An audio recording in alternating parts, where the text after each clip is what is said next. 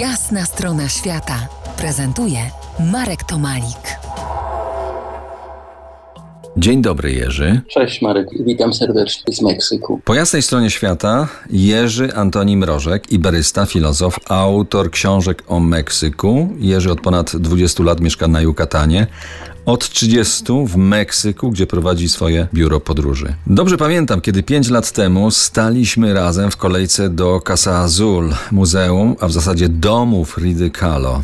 Aby tam wejść, trzeba było pod y, silnym słońcem swoje odstać w kolejce. Czy dalej ludzie podają sobie tam parasole słoneczne? Tak, cały czas są kolejki do, do Fridy Kahlo. Sytuacja z kolejkami do, do Casa Azul, do muzeum, do domu, w którym urodziła się Frida, rozpoczęły się z wielką popularnością Fridy, czyli po filmie na początku lat 2000, ale nie zawsze tak było. To się teraz utrzymuje, teraz rzeczywiście są, są tam kolejki, bilety są limitowane. Ja pamiętam pierwszy raz wszedłem do tego domu w 1998 roku i wejście do tego domu zrobiło na mnie ogromne wrażenie, dlatego że spodziewałem się, że wchodzę do muzeum, do Muzeum Malarki, znanej w Meksyku. Natomiast wrażenie po wyjściu z tego domu było jak jak po wyjściu z sanktuarium. Ale cały czas ma się takie wrażenie, że wchodzi się do miejsca wyjątkowego, czegoś, co jest czymś więcej niż, niż domem malarki, czymś więcej niż muzeum, czymś, co, co przekroczyło i Meksykanie jak najbardziej tak to traktują, czymś, co przekroczyło pewne kategorie, w których da się zakwalifikować. Zresztą no i, i, chyba, i chyba sam też przekroczyłeś pewne, pewne rzeczy, których, e, których się nie spodziewałeś, bo sięgnąłeś po, po książkę, którą wydałeś i przetłumaczyłeś nam na język polski. Książka nazywa się Frida Kahlo Dziennik, autoportret intymny.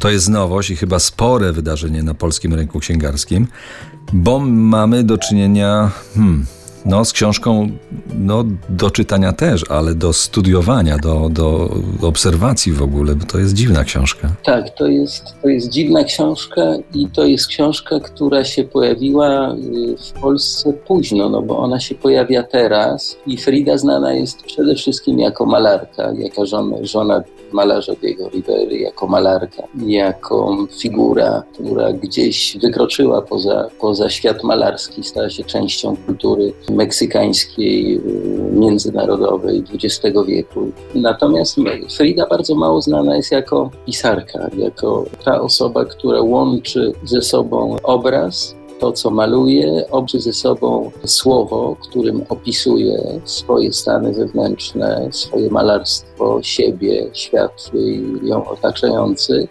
o wstęp do, do dziennika poproszony został no, najsłynniejszy pisarz Meksyk Carlos Fuentes. Do tego wstępu wrócimy za kilkanaście minut, kiedy spróbujemy bliżej zrozumieć fenomen Fridy Kahlo na podstawie tejże książki Frida Kahlo Dziennik Autoportret Intymny. Zostańcie z nami.